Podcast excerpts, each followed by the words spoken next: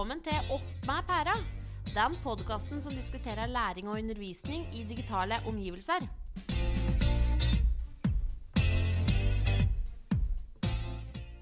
Velkommen til podkastepisode om algoritmegenerasjonen som vokser opp i et ekkokammer. Eller? Påstanden eh, eh, fikk jeg høre av en forleden dag. Og den fikk meg til å tenke på hva vi vet om dette, og om dette er sant eller ikke. Så det er temaet for denne episoden. Vi har gjester i dag. Skal vi ta en presentasjonsrunde? Eh, Jeg heter Hanne Marie, eh, og jeg er nå i skillet mellom det å være student og nyutdanna. Jeg har eh, matematikk, KRLE og naturfag. Femte til tiende trinn. Ja, og jeg heter Jørn Andersen. Jeg er rådgiver i Larvik kommune. Eh, vi har eh, i tre år hatt iPad til alle elever. Eh, vi er ganske gode på å få personvernavtaler i boks, men uansett blir det meste av det som skjer på elevenes iPader, spora, og har blitt det i de siste tre åra. Ja, jeg heter Mads. Utenlandsk gjest. Ja, jeg er utenlandsk gjest. Jeg er fra Danmark. Jeg arbeider på Københavns Profesjonshøgskole i Future Classroom Lab, hvor vi øhm, arbejder med videreuddannelse og kompetenceudvikling af færdiguddannede lærere og pædagoger Mm. primært. Ja. Omkring teknologiforståelse. I denne titlen da, så er det jo to eh, ord. Algoritme og ekkokammer. Hva legger vi i det? Er det noen av dere som har innspill? Hva legger dere i det? Hva er en algoritme? En algoritme er en form for brug af data, tror jeg, jeg vil sige. En algoritme kan bestemme ting for nogen, men en algoritme er også lavet af nogen med et bestemt formål typisk. Det kan være at hjælpe folk. Der er en algoritme i en, en selvkørende bil, som træffer nogle valg. Men der er også algoritmer ude på internettet, som genererer reklamer for os, og som vælger nyheder for os, og som gør vores liv nemmere, Mm. måske. Når du programmerer, lager du en algoritme, riktig? Ja, det kan man i hvert fall godt gøre. Algoritme er jo også en måte å løse en oppgave på. Sette sammen små deler til en større helhet. Men i dataverdenen så er det ofte en form for kode, kode sant? som eh, følger spesifikke operasjoner, og så skjer det noe. Ekkokamera vi stålkontroll? I den her sammenhæng, så er et ekokammer jo ment som et sted, hvor at det, det, det er det samme, der liksom blir sagt hele tiden. Der er et ekko av det, der er der inne i forveien. så der kommer ikke noen nyheder inn. Så hvis du er i et sosialt fællesskab med nogen, som siger det samme som dig, så vil det være det, der bliver styrket hele tiden. Mm. Altså, de samme meninger går igen og igen og bliver forstærket og runger i rummet. Mm. Så spørgsmålet er jo, er internettet, er de sociale medier et ekokammer? Mm. Og hvis det er et ekkokammer, så, så betyr det at eh, det jeg er interessert i, får jeg mer informasjon om hele tiden. Så min, mine interesser blir forsterket. Ja. Og Hanne Marie, dine interesser, hvis de er noe annet, så Blir de forsterka Ja. hos meg. Og det gjør jo også at man får inn svært få impulser og andre tanker enn det man selv ønsker å høre. Men eh, er det noe bra med dette? Det er noe som er bra med det. Ja. Eh, hvis du eh, bruker en gratis tjeneste, og uh, da vet du at du må forvente å få reklame tilbake. Det er jo bedre å få reklame fra noe du ønsker å se, enn å få reklame for noe som er helt vesentlig, kanskje. Ja. Kan Hvilken reklame ønsker du deg? Eh, jeg ønsker reklame for uh, tur til fotball-England og olabukser. Det er spennende da, hvis noen liksom, hvis, hvis eh, systemet virker nå, så kanskje det Når vi poster dette, så får du masse reklame som du ønsker deg. Hvilken reklame ønsker du deg, Anne Marie?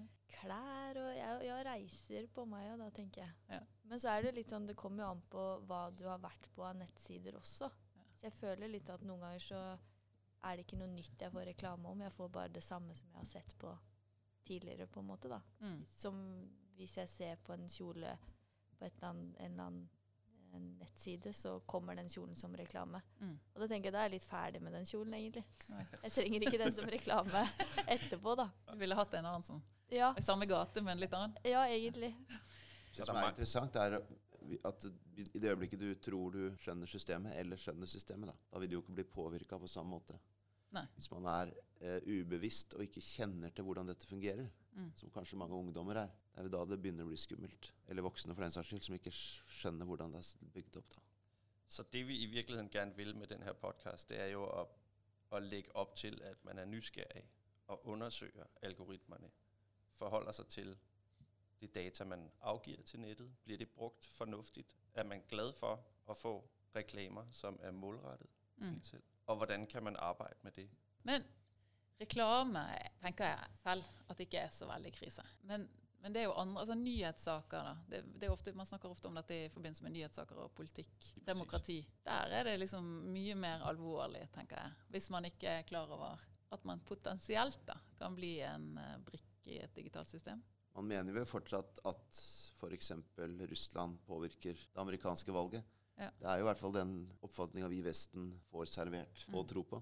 Mm. Da er det jo rett og slett å dumpe nyheter av en viss form, og, Mm. og folk tror da på det, selv om ikke det er sant. Ja. Og det påvirker jo et valg. Er verdens ja, mest demokratiske land, kanskje. Så Mm. Og det er der ikke noen tvil om. Det, det tror jeg alle ved i en eller annen grad har sket. Men sker det hver dag? Sker det her i Norge, at nyhederne blir udvalgt av en algoritme, sådan så det, de nyheter, du får, Mm. er annerledes enn dem, jeg får? Det vet vi ikke med sikkerhed, om det er sånn. Nei, men jeg så en sånn, et nyhetsoppslag, det begynner å bli en stund siden, men hvor en Frp-politiker eh, gjorde Google-søk på flyktning, og så gjorde en Arbeiderpartipolitiker det samme. Og hvor resultatene, da, sakene som kom opp, var veldig ulike. Så det var liksom, Da ble jeg veldig oppmerksom på det. Men vi har jo testet dette selv i sted. Når vi søker på flyktning i denne gjengen her, så får vi opp eh, like, like resultater. mm. Og hva kommer det av? Ja. Er det fordi, vi sidder i samme rum lige Kan måske?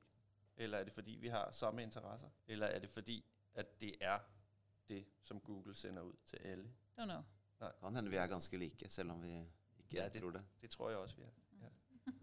Så det vi vil med denne podkasten, som du sier, det er å oppmuntre til å ha en liksom undersøkende tilnærming til dette, og være bevisst mulighetene, men også risikoen da, ved all den dataen Mm. som er samlet.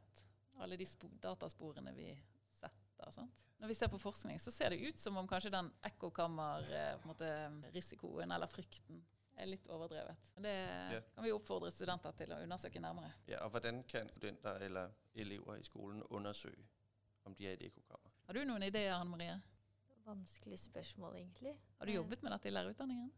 Nei, det Nei. vil jeg ikke si at jeg har. Nei. Så derfor så syns jeg egentlig at eh, det at vi lager podkast om det nå, og eh, at studenter kan jobbe med det aktivt, at det Jeg tror det kan gi veldig læringsutbytte, da. Det er jo noe kanskje savner litt. Det handler litt om nettvett og sånn òg, tenker jeg. Være litt bevisst på det. Eller mange elever har én-til-én enten iPad eller Chromebook eller PC eller ja.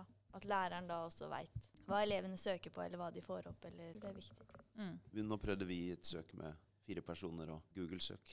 Eh, Hvis man går løs på det her i et klasse, så har man jo ofte kanskje 30 Ja. forskjellige mennesker å bruke. Så har man kanskje ikke bare nettleser, men man har Snapchat og Facebook og Instagram. Og litt større utvalg av personer og medier å gå gjennom. Da. Har et mangfold som er interessant, som gjør det mer relevant. Hva ville dere brukt eh, f.eks. Snapchat og Facebook til? Hvilke oppgaver kunne man gitt der? Vi har snakket litt om det med, med reklamene. Man kunne jo sammenligne, Mm. hvilke reklamer kommer opp på Snapchat. Er det de samme reklamer, som alle i klassen får, eller er de her meget målrettede den enkelte? Og det kan være godt, fordi man får sine rejsereklamer eller sine fotballtursreklamer. Men der er jo også noget, skulle jeg til at sige, farligt. Det behøver det ikke være. Men der er i hvert fald nogle mennesker, der har besluttet på baggrund af det, man selv har søgt, hvad det er for nogle reklamer, der kommer op.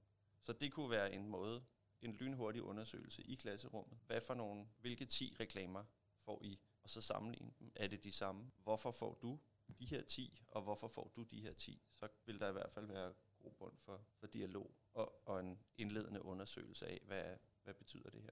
Og hvis læreren tør, så kan læreren vise sine. Det er jo det. Ja. Ja, for da kan du ha en undersøkende tilnærming til det med reklame, og kan gjøre det samme med nyhetssaker, sant? eller andre på en måte, Ja. som ikke nødvendigvis er reklamesaker, men Og man kan jo også undersøge, hvor, hvor får man sin informasjon fra, sine nyheter. Er det fra de sosiale medier, de kommer, eller er man selv aktiv i å gå på, på nettet, NRK, VG, eller i mitt tilfelle de forskellige mm. aviser Mm. i Danmark? Akkurat det der er en viktig, kan være en viktig opptak til eh, en diskusjon. Ikke bare hvilke saker som kommer opp, men ja, som du sier, hvor du leser, og hvorfor du, hvorfor du leter der du leter, da. Eller Ja, oppsøker de mediene du søker. Mm. På samme måte i skolen i virkeligheten. hvis man skal undersøge et problem eller blir stillet en oppgave, hva er det for noen værktøjer, man bruger? Mm. Spør man sitt sosiale netværk efter svar, eller går man selv aktivt på nettet, og hva er det for noen, er det for en information, man får ut av det? Går man på biblioteket og låner en bok? Det er der jo stadigvæk nogen, der gør. Ja, ja.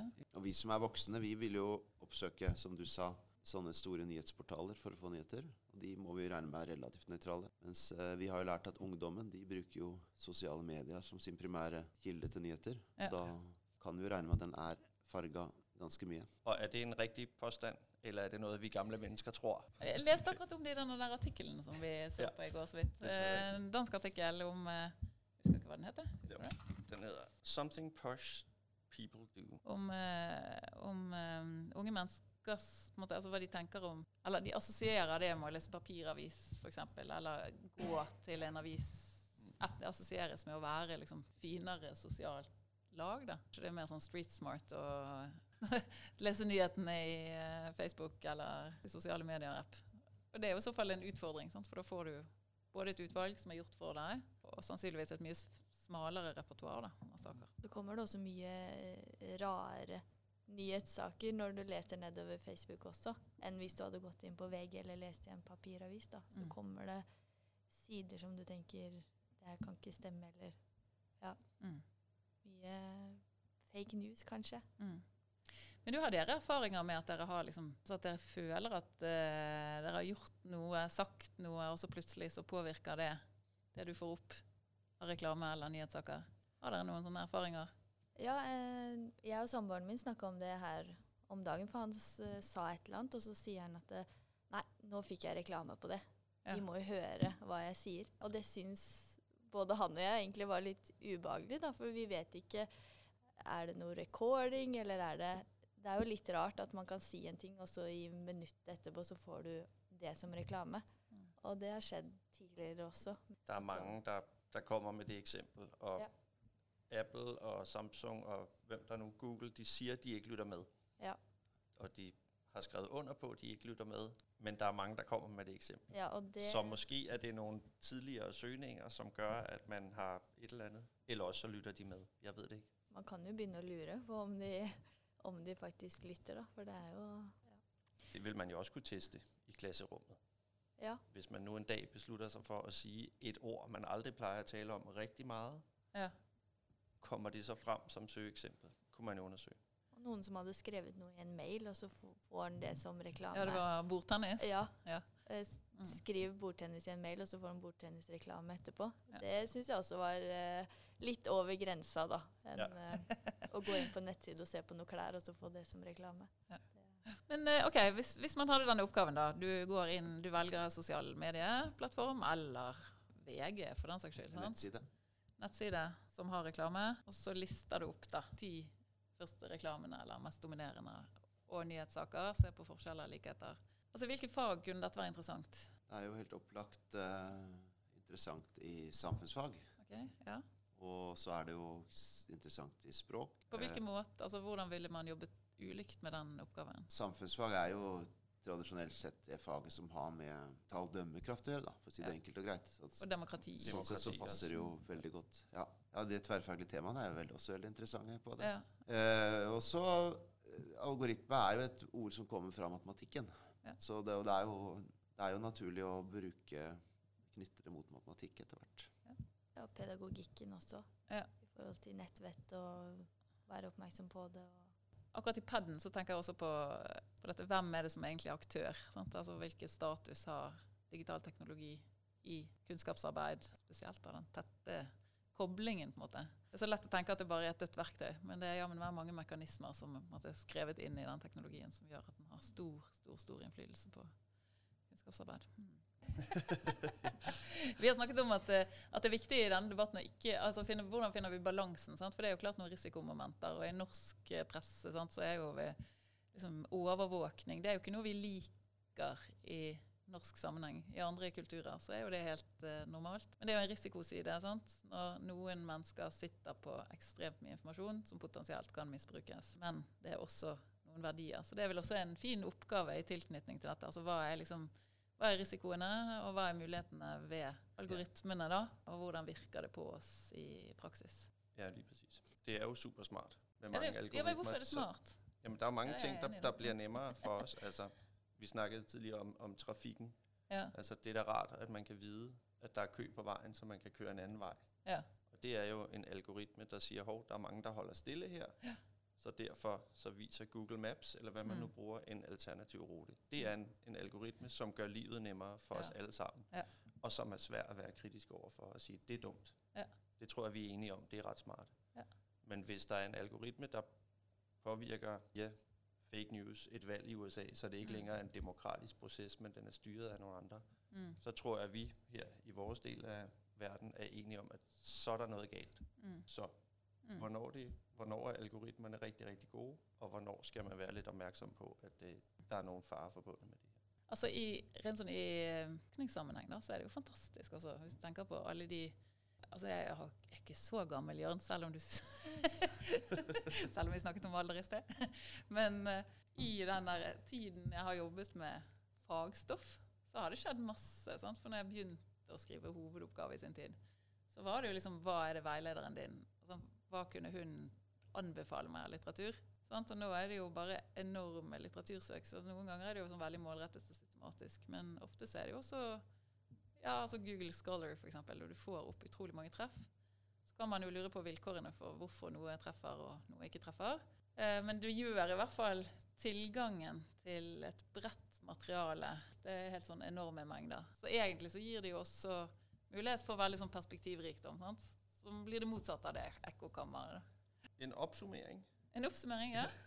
I virkeligheten er formålet jo å få noen til å tenke over det her, reflektere, undersøge algoritmerne, og finnes der ekkokamre i jeres digitale hverdag? Take the challenge. Ja. Vi oppfordrer lytterne til å gjøre dette. Lærerstudenter, lærerutdannere og lærere, kanskje. Ja, Absolutt. Ja. Takk for praten. selv tak.